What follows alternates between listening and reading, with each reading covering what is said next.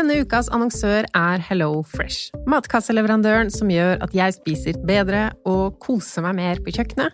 Bruker også mindre tid på planlegging og handling av mat.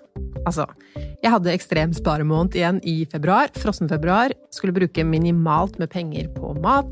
Spiste gamle greier fra fryser og matskap. Det jeg savnet aller mest i februar, hvor jeg kutta alt til liksom beinet, det var Hello Fresh ingen matkasser som kom eh, på døra, så nå i mars nyter jeg middagene enda mer. Jeg går inn i appen, velger de fem rettene jeg vil ha. Du kan velge mellom tre, fire eller fem retter hver uke til to eller fire personer. Og det er 25 ulike retter å velge mellom hver uke. Og noen av de er sånn raske retter, så det er sikkert noe du liker der eh, også. Gode middager levert på døra. Abonnementet er sånn at du når som helst kan hoppe over en uke, eller flere, sånn som jeg gjorde nå nettopp, og så kan du justere ned og opp hver eneste uke hvor mange retter og hvor mange porsjoner. Gå inn på hellofresh.no og bruk koden FRESHPENGE. Da kan du få opptil 1779 kroner rabatt på de fem første matkassene dine hvis du ikke har prøvd Hello Fresh enda. Du kan også bruke rabatten hvis du har vært kunde, men stoppa abonnementet ditt for tolv måneder siden eller mer. Gå inn på hellofresh.no. Har du et enkeltpersonforetak eller en liten bedrift? Da er du sikkert lei av å høre meg snakke om hvor enkelt det er med kvitteringer og bilag i fiken, så vi eh, gir oss her, vi. Fordi vi liker enkelt. Fiken superenkelt regnskap.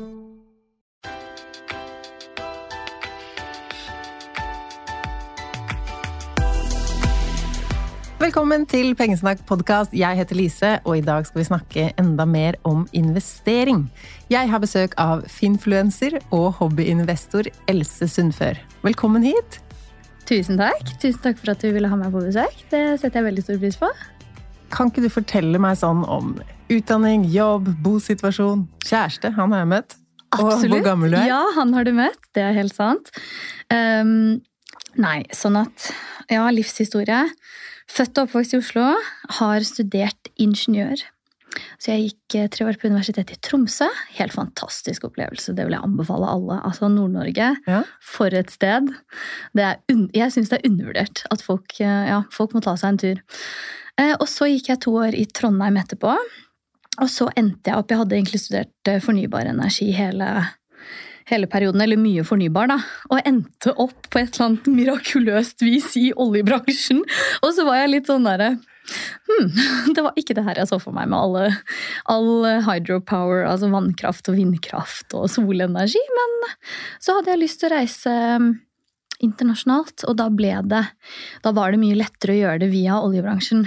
Da fikk jeg gjøre noe praktisk, jeg fikk gjøre noe som var ingeniørrelatert, og jeg fikk lov til å reise. Så da ble det et oljeserviceselskap, og fikk tilbud om å dra til Midtøsten, og da var jeg liksom Åh, er dette liksom Ja, men jeg prøvde det, og syns faktisk jeg må innrømme, jeg ringte hjem til mamma første året og gråt og sa dette er helt forferdelig. Og mamma sa nei, dette har du valgt, du må stå i det, du må holde ut litt til. Og så ble det bedre. Så det, det Ja, det gikk seg til med årene.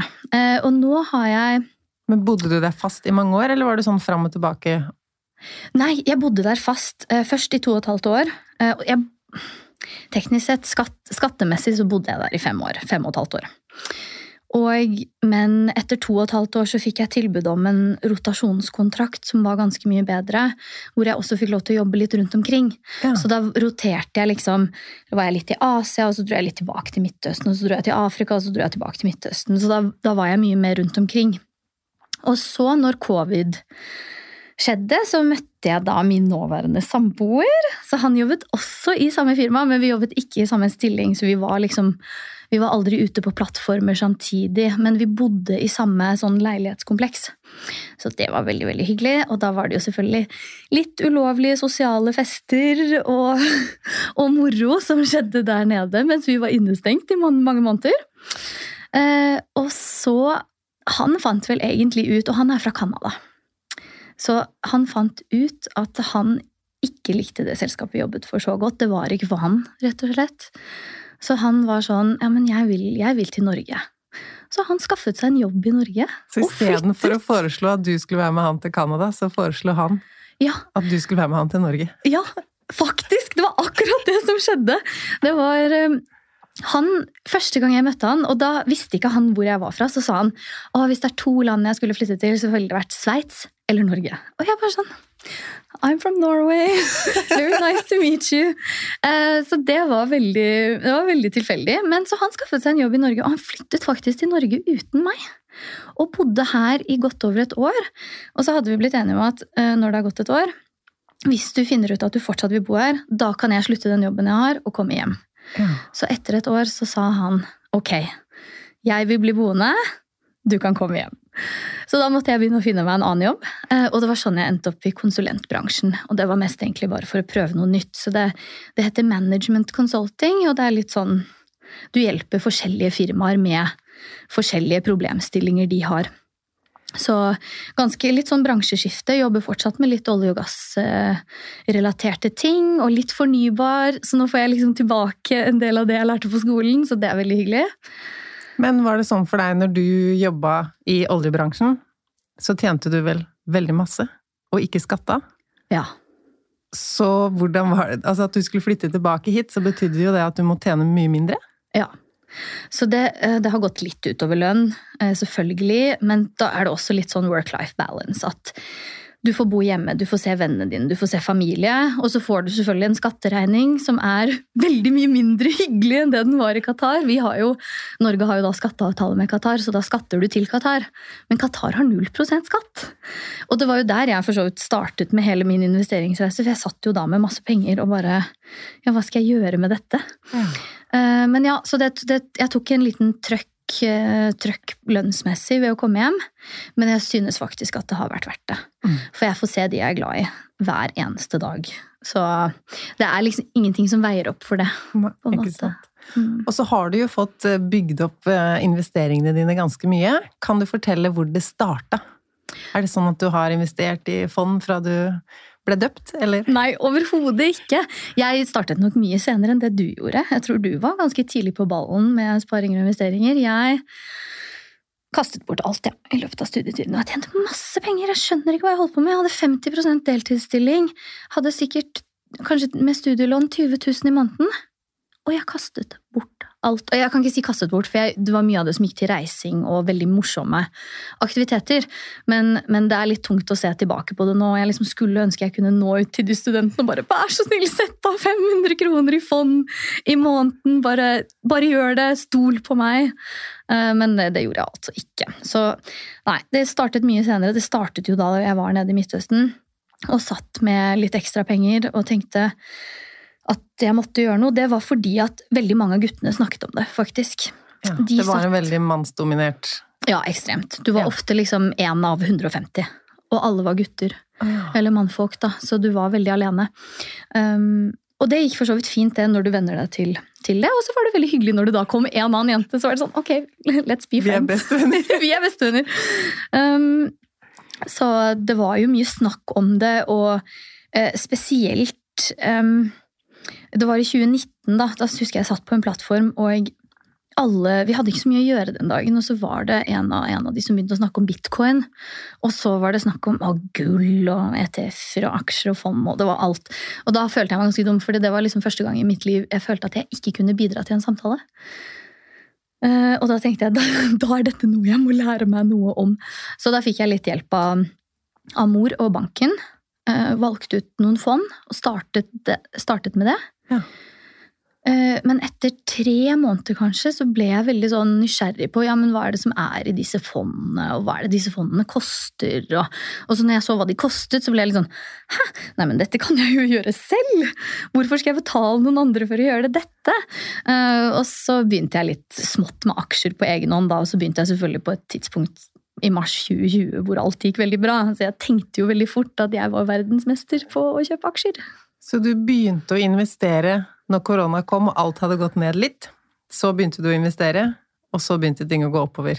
Ja, Så jeg begynte i november 2019, før covid kom. Da Ja, begynte jeg med, fond. fond. Og så raste jo de litt da i mars eh, 2020, men jeg kjøpte min første aksje i mars 2020. Jeg kjøpte ganske mye aksjer i mars og april 2020.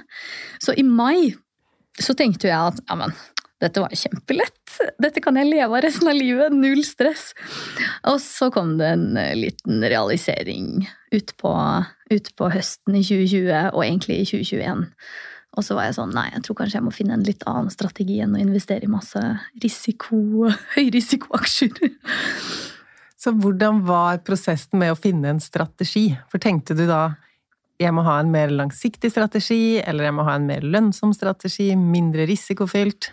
Ja, vet du hva, jeg, jeg tror en av de tingene som jeg tok meg selv litt i, var at det var noen ting jeg eide som jeg kanskje ikke var like komfortabel med å eie. At jeg ikke sov så godt om natten.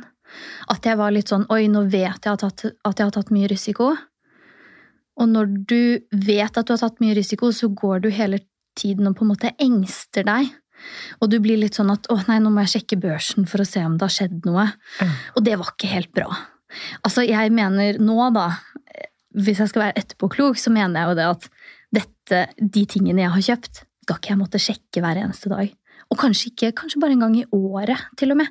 At jeg skal kunne eie ting som kan ligge der og kose seg, og at det er godt og veldrevne selskaper, veldrevne fond, um, som noen andre på en måte forvalter for meg.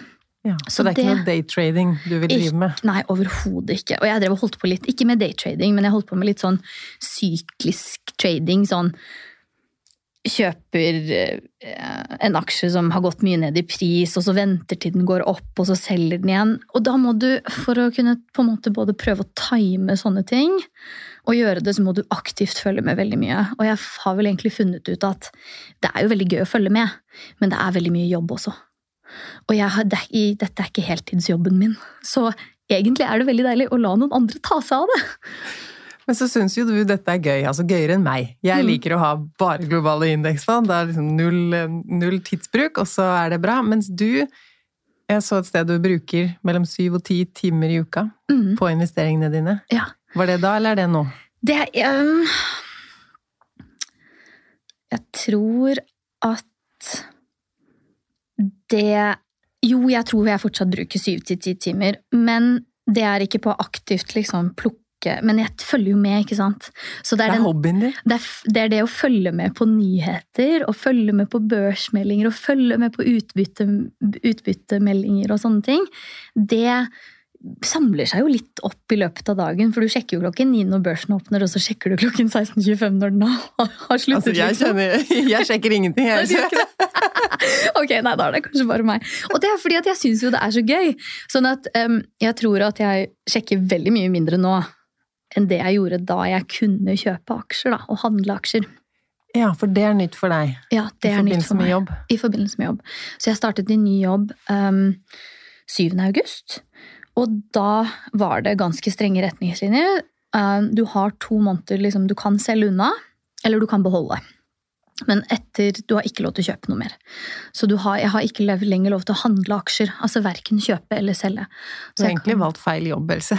Ja, jo kanskje. Nei, men jeg syns det var verdt jeg syns det var verdt å prøve, prøve, den jobben, for jeg tror det er en veldig læringskurve der. Så jeg har valgt å liksom Nei, det får bare stå litt på vent. Og så syns jeg det er deilig òg, da. Jeg har jo mer fritid nå. Ved å ikke sitte og gjøre analyser av aksjer på en lørdagskveld.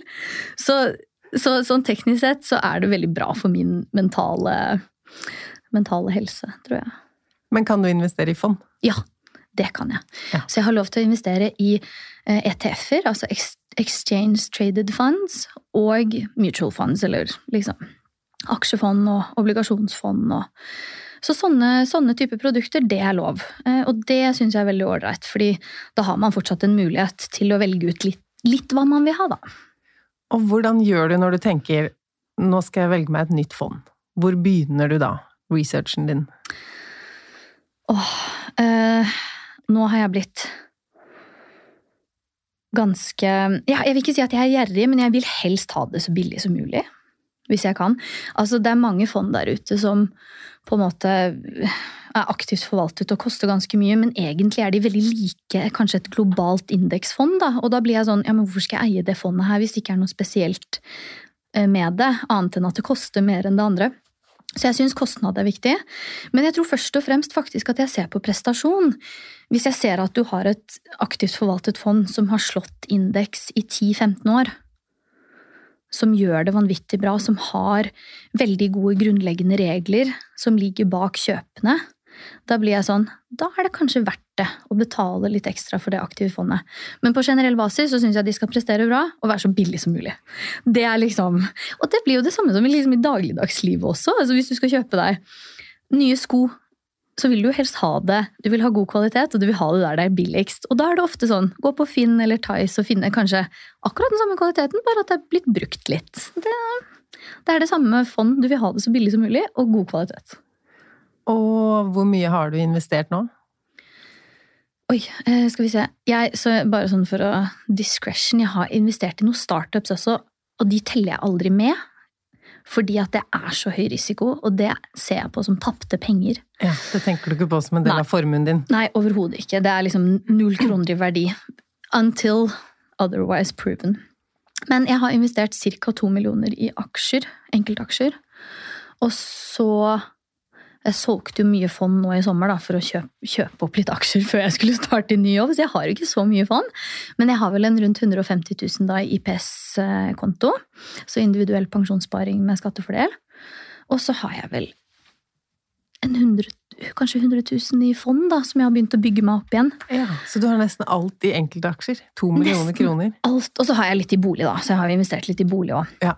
Sånn som de aller fleste nordmenn er investert.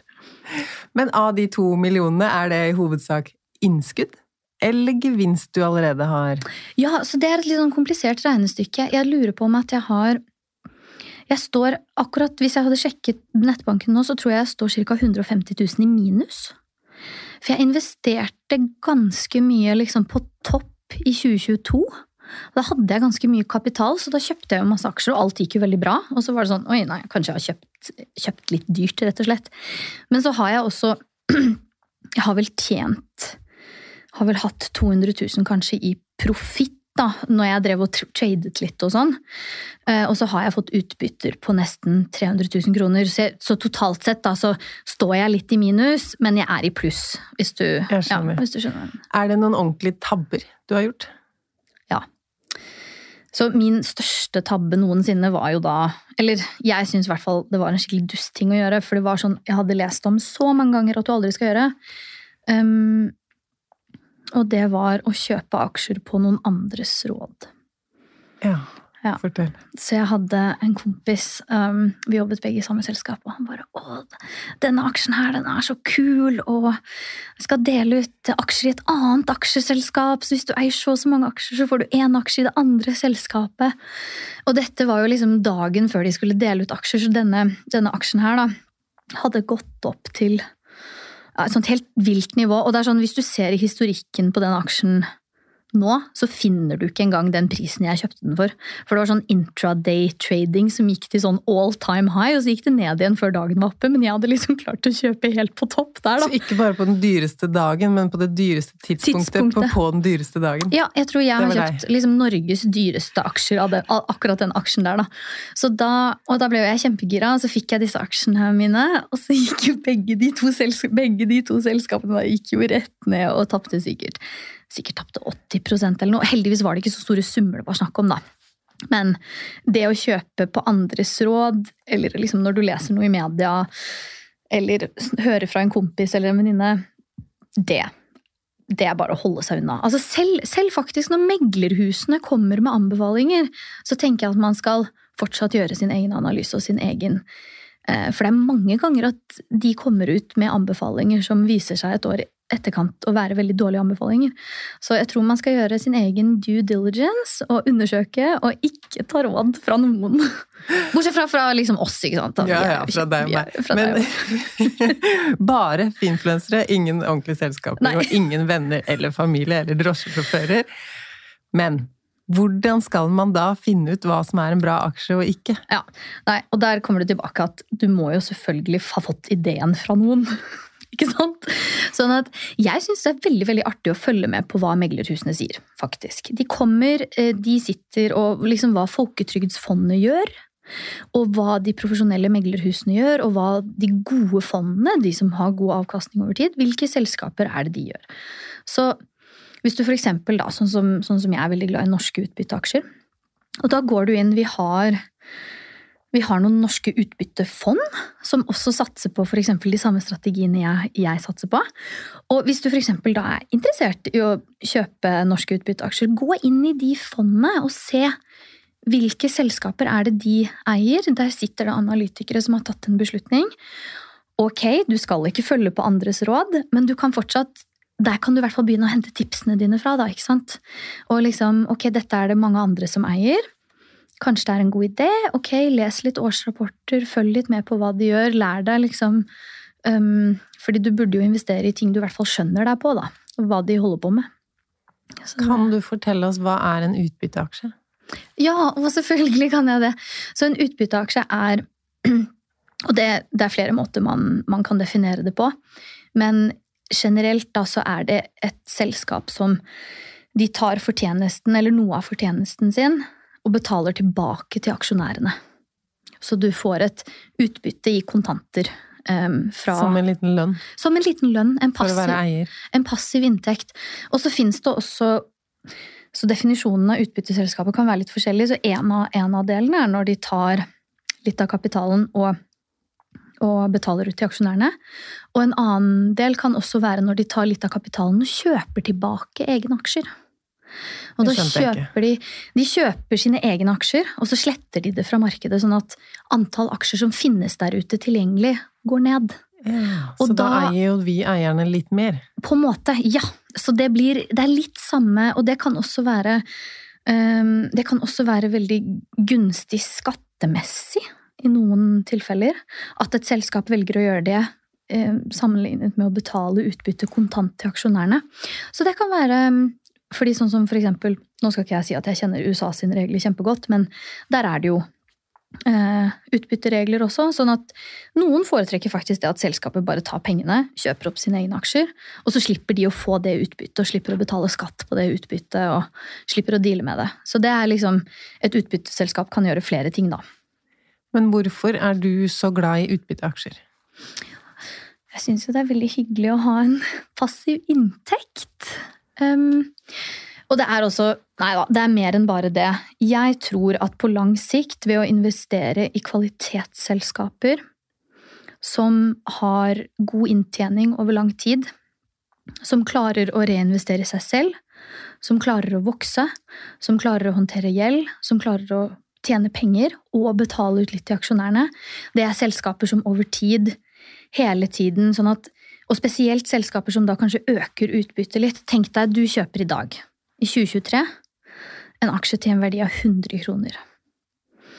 Og denne aksjen på 100 kroner Her i Norge så betaler de veldig gode utbytter. I snitt kanskje 4% utbytte. Det er ganske mye i forhold til andre land. da. Okay. Mm. Så betaler denne aksjen, og la oss si 5 kroner, da, bare for å gjøre det enkelt. Så i dag så kjøper du aksjen til 100 kroner, og de betaler 5 kroner utbytte. Så det vil si at du får 5% direkte avkastning da, i inntekt fra, på hver, hver aksje du selger.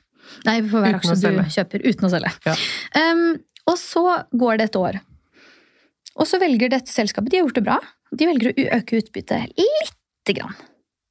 Og da velger de ok, til neste år så skal vi betale 5,2 kroner i utbytte. Og da Hva som skjer med aksjekursen da, er kanskje at den går litt opp. Men du har fortsatt kjøpt aksjen på 100 kroner, og de betaler 5,2 kroner utbytte. Så nå er din direkteavkastning den har gått fra å være 5% til 5,2% Og så går det tid, da. Så la oss si at eh, om 30 år så betaler den aksjen plutselig 25 kroner i utbytte. Og har kanskje en aksjeverdi på 300 kroner. Så de som kjøper den da, de vil ha kanskje ca. samme direkteavkastning, men du kjøpte den fortsatt for 100 kroner og du har 25% avkastning på den aksjen. Og det er derfor jeg tror at å kjøpe liksom solide selskaper som har denne strategien, som over tid hele tiden vil vokse, kan du muligens potensielt slå markedet over tid med ganske god margin. Og da er det ikke snakk om liksom, ok, 6-7-8% i globale indeksfond, da er det snakk om potensielt liksom 20-30-40 da. Så derfor syns jeg utbytteaksjer er så gøy! Hvis jeg forsto deg riktig, eh, så er ikke det for bare utbytte i seg selv, men også hva det sier om selskapet. At de er et selskap som betaler utbytte. Ja, og da liksom, Det finnes jo så mange forskjellige selskap som betaler utbytte, og det fins liksom en del fallgruver man kan gå i. Og det er jo, vi har jo, I Norge har vi fryktelig mye sykliske aksjer. Hva altså, betyr det? Rov, eh, aksjer som liksom er eh, går i enten makroøkonomiske syklus, sykluser, eller om det er råvaresykluser. Så for eksempel olje- og gassindustrien, der våre olje- og gassaksjer de avhenger jo veldig veldig ofte av olje- og gassprisen. Og det vil si at hvis olje- og gassprisen går mye ned, så går kanskje aksjeverdien eller aksjekursen på selskapet ned, kanskje utbyttene blir dårligere for de tjener mindre penger. Så det går i veldig sånn sykluser. Um, men så har vi også en del selskaper som går litt mer jevnt og trutt. Kanskje noen vil si at de er litt kjedeligere. Jeg syns det er helt prima når de er litt kjedeligere, men Så det er ikke sånn at et utbytteaksje er et kvalitetsstempel i seg selv? Nei, ikke nødvendigvis. Takk for at du um, tar det opp, fordi noen selskaper de kan tjene fryktelig mye i perioder basert på hva slags kanskje råvaresyklus du er i, da. Eller for eksempel shippingindustrien kan være veldig vanskelig. De kan ha 15 år med dårlige rater, dårlig inntjening, kanskje veldig tynget av gjeld. Og så plutselig har de to-tre år med helt fantastisk inntjening og betaler 50% utbytte. Men det er kanskje ikke det selskapet du har lyst til å eie i lang tid da, for å gi deg stabil inntekt. Så det å være en utbytteaksje, det er ikke i seg selv et kvalitetsstempel. Ikke nødvendigvis. Og så har jeg lest i et intervju med deg at du tenker at økonomisk uavhengig, det har du lyst til å bli. Ja. Og til og med satt deg en dato. Kan du fortelle litt om det? ja. Sånn at jeg tror første gang når jeg til og med startet Instagram-kontoen også, så var jeg sånn Å, innen jeg er 35. Og nå tror jeg at realismen har slått litt inn, og tenker kanskje 40 eller 45 er mer realistisk. Men For nå er du 31. nå er jeg 31. Ja. Ja. Til tross for at eh, VG driver og sier at jeg er 30, men jeg har ikke giddet å korrigere de. jeg syns det var så hyggelig å være 30 igjen. um, ja. Um, så jeg har veldig lyst til å bli økonomisk uavhengig. Og det handler ikke så mye om at det er ikke det at jeg ikke har lyst til å jobbe. Jeg har lyst til å jobbe, jeg har lyst til å bidra til samfunnet, jeg har lyst til å ha noe å gjøre på. Men når du er økonomisk uavhengig, så er du også veldig mye friere da, til å ta dine egne valg. Og sånn som jeg gleder meg masse til å få barn. Og det kan jeg være helt ærlig på. Jeg gleder meg veldig mye. Og jeg tror det vil ta mye tid og energi, og jeg tror jeg har lyst til at det skal ta mye tid og energi. Men da må jeg også være forberedt økonomisk på at kanskje jeg har lyst til å gå ned til en, 20, eller til en 80% stilling. Eller en 20 %-stilling. eller en 20 stilling, hvis man kan.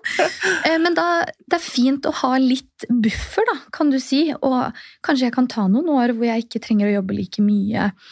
Og når Eh, alle kanskje- sier sånn 'Kan du gjøre det? Hva med pensjonen din?' Ja, Null stress. Og så er det sånn Nei, men jeg har spart i IPS i alle år. Jeg har vært flink jente. Jeg har spart i fond. Jeg har gjort det jeg skal. Og da du har mye, uh, du har mye mer å lene deg på da, når du er økonomisk uavhengig. Og du, det finnes jo mange former for økonomisk uavhengig. Um, og jeg tenker det at å ha litt valgfrihet og litt spillerom, det er også en form for økonomisk uavhengighet. Du trenger ikke å være milliardær for å kunne si at du er økonomisk uavhengig. Men er dere enige om det hjemme? Er det noe dere jobber mot sammen? Er kjæresten din også sånn som investerer og tenker 'fast Ja. jobb må vi ikke nødvendigvis ha'? Ja, han er nok Kanskje han er litt sånn A4. Han vil nok jobbe. Jeg tror vi begge har lyst til å jobbe. Og jeg tror kanskje jeg jobber litt hardere for å bli økonomisk uavhengig. Han er mer, han er mer sånn som deg. Han er bare indeksfond. Det er det beste. Noe annet, det går ikke. Mens jeg er litt sånn nei, men du må kjøpe litt utbytteaksjer og skaffe deg litt passiv inntekt og sånn. Og så er han sånn nei, nei, nei, det orker jeg ikke. Så, men jo da, vi har samme mål. Og vi um, har veldig lyst på mer frihet. Vi syns jo det er fantastisk å reise. Um, og vi snakker jo hele tiden om liksom, skal vi ta oss litt ubetalt fri fra jobb for å kunne gjøre disse tingene vi har lyst til. da. Så det er, eh, det er ganske samkjørt. Kan du fortelle litt om eh, Instagram-kontoen din, og hva som har skjedd der, fra du posta det første innlegget? Hvorfor gjorde du det? Ja, du, dette var, det var vel kanskje et år etter at covid hadde startet, tror jeg. Det må ha vært februar 2021, tror jeg. Ja, Og så da- var du verdens beste investor da, eller Ja, hadde det gitt da seg var litt? Jeg, åh, da var jeg helt oppe i skyene. Nei da, det hadde gitt seg litt. Det var litt realisme som hadde, hadde liksom begynt å komme inn. Og jeg følte da, etter ett år, og da hadde jeg brukt ett, et og et halvt år på å liksom lære meg om fond og aksjer. Og jeg husker at jeg bare tenkte Hvorfor har det vært så dårlig informasjon om dette? Og det var jo mye greier på sosiale medier. Det var TikTok og Instagram, og det var mye annet som var på sosiale medier. Men det var ikke så mye om økonomi. altså Det irriterte meg litt. At det ikke var noen liksom ordentlige liksom, profiler eller ting, eller at det ikke var mer snakk om det. Eh, Og jeg skjønner jo hvorfor det ikke var det, fordi at sånn som en ASK-konto kom jo i 2017. Mm. Det er jo ganske nytt for folk flest, og vi lærte det ikke fra våre foreldre, for de hadde jo i hvert fall ingen sjanse til å lære det. Nå er det jo mer at vi lærer dem, ikke sant? Um, så det bare irriterte meg litt, og jeg tenkte jeg har lyst til å lage en profil hvor um, andre kan få den startinformasjonen da, som jeg selv skulle ønske at jeg hadde når jeg gjorde mine første valg. Så det var der eh, ideen på en måte kom, og nå har det liksom utviklet seg til at det kommer jo selvfølgelig nye følgere hele tiden, og de spør jo kanskje spørsmål som er sånn at dette forklarte jeg i post nummer én for tre år siden. Men så prøver jeg liksom å være ok, men jeg skal være høflig jeg skal være grei, og så sender jeg de den infoen jeg har, og så sender jeg kanskje linker til litt artikler av og til, og linker til skatteetaten så de kan lese litt. Fordi jeg syns det er veldig viktig at folk klarer å lære ting på egen hånd. Mm. Fordi hvis de bare sender melding til meg og spør om råd eller ditten og datten, så klarer de jo aldri å finne ut informasjonen selv. Så jeg prøver å ha en litt sånn Jeg skal prøve å gi så god informasjon som jeg kan til dere angående forskjellige investeringstemaer, altså BSU og IPS og sparekontoer og fond. Men jeg vil også at dere skal prøve å tilegne dere informasjonen selv. For hvis man ikke klarer å lære disse tingene på egen hånd, så kommer du liksom Du kan ikke alltid bare spørre noen. Du må lære litt på egen hånd. Og hva er det folk spør deg mest om? Det er mange som spør hvilken aksje burde jeg kjøpe, bla, bla, bla. Og da sier jeg til de, jeg beklager så mye, men jeg har ikke lov til å gi sånne råd, og, det har, og så må jeg forklare reglene til Finanstilsynet og sånn, og så blir de sånn, å ja, ok, jeg skjønner, men hvis du kunne jeg bare, Nei! Og så sier jeg, men du kan gå inn i min portefølje, du kan se hva jeg eier, titt på hva de andre ut, norske utbyttefondene i Norge gjør, hvilke aksjer de eier, titt på hva Folketrygdfondet gjør, øh, og få litt inspirasjon. Hent inspirasjon fra alle andre. Dere kan gjerne stjele. Stjel så mye dere vil, men er, man kan liksom ikke gi direkte økonomiske råd til folk man ikke kjenner over Instagram.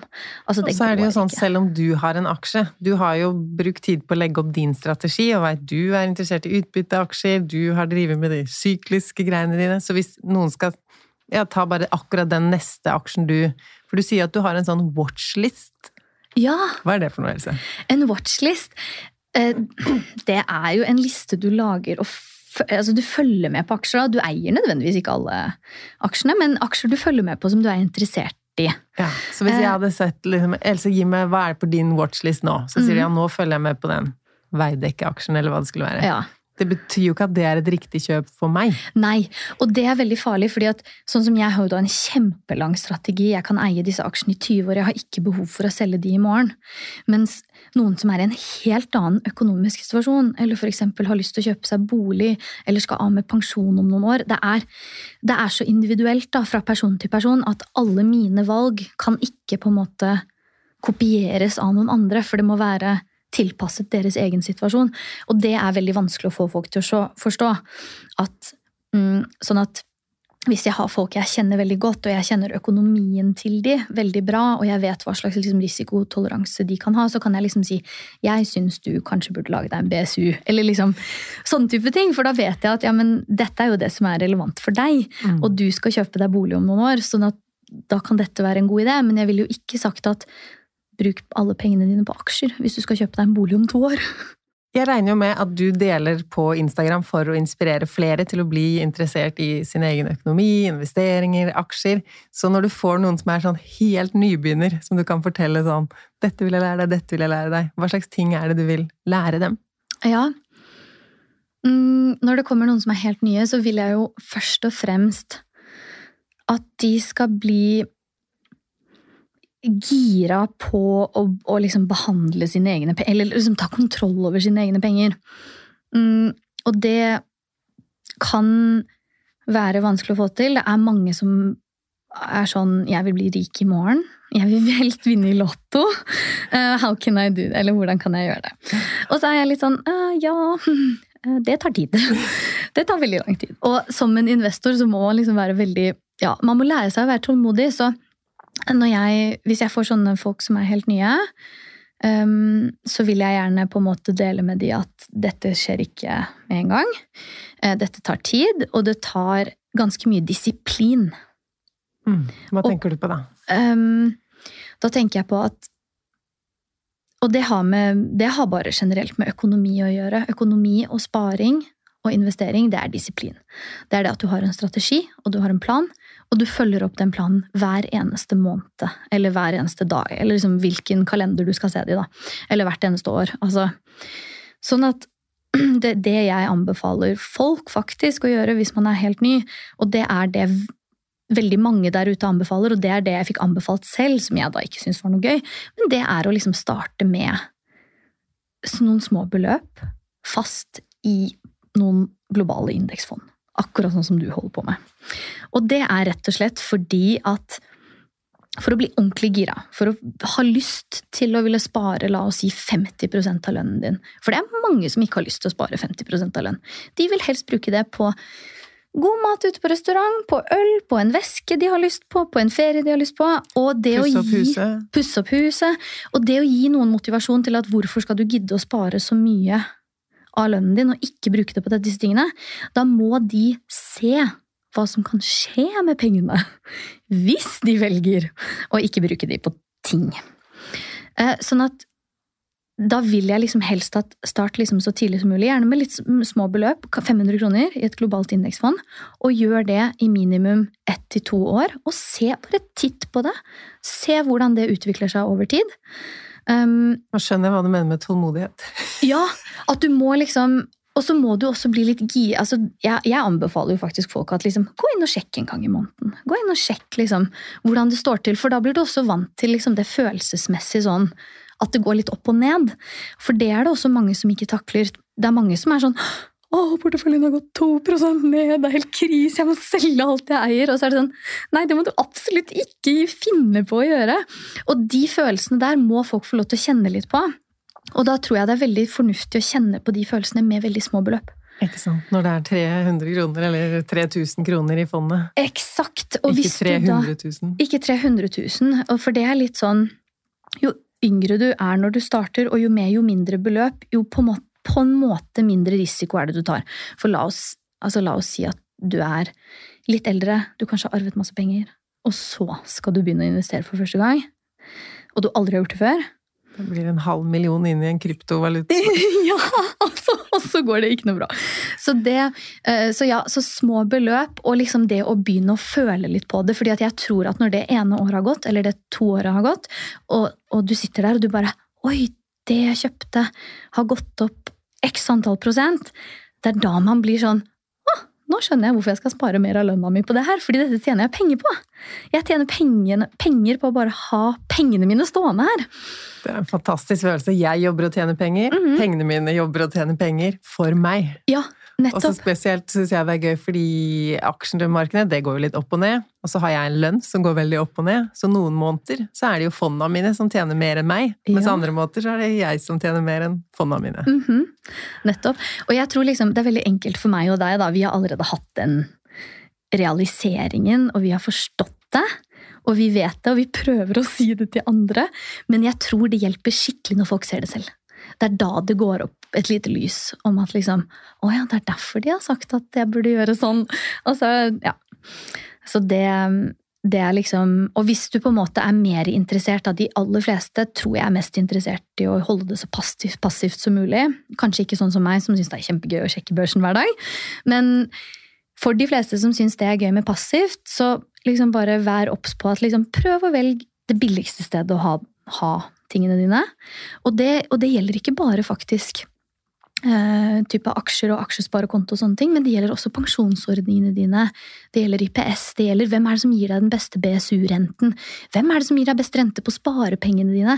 Hvem er det som gir deg billigst lån? Hvem gir deg billigst forsikringer? Alle disse tingene må um, må ordnes på et eller annet vis. Og når du får den interessen til å liksom begynne å ordne litt på disse tingene, og du ser oi, nå har jeg ordnet meg en skikkelig god Eh, BSU-konto. Da blir du sånn ja, men jeg vil jo at sparepengene mine også skal ha eh, liksom, lignende vilkår. Sånn at det baller litt på seg, da, men man må jo starte ett sted. Mm. Mm. Tusen takk for alle tips du har kommet med. Det var hyggelig å bli bedre kjent med deg og din investeringsreise og deg som person. Kan du si hva Instagram-kontoen din heter, sånn at følgerne ja. kan eh, gå inn der hvis de vil gjøre mer? Det kan jeg gjøre. Den heter Invest Norway, og det er Den handler ja, det er ikke investeringstips direkte, da, for det får jeg ikke lov til å gjøre, men den gir mye god inspirasjon til hva man kan gjøre med pengene sine. Så det er kanskje ikke like god som Lise sin konto, men eh, Jeg rødmer. jo, men du har jo veldig fin konto, da. Det skal du ha. Likeså. Så da sender jeg eh, alle lytterne inn på din eh, konto, og så høres vi igjen neste mandag.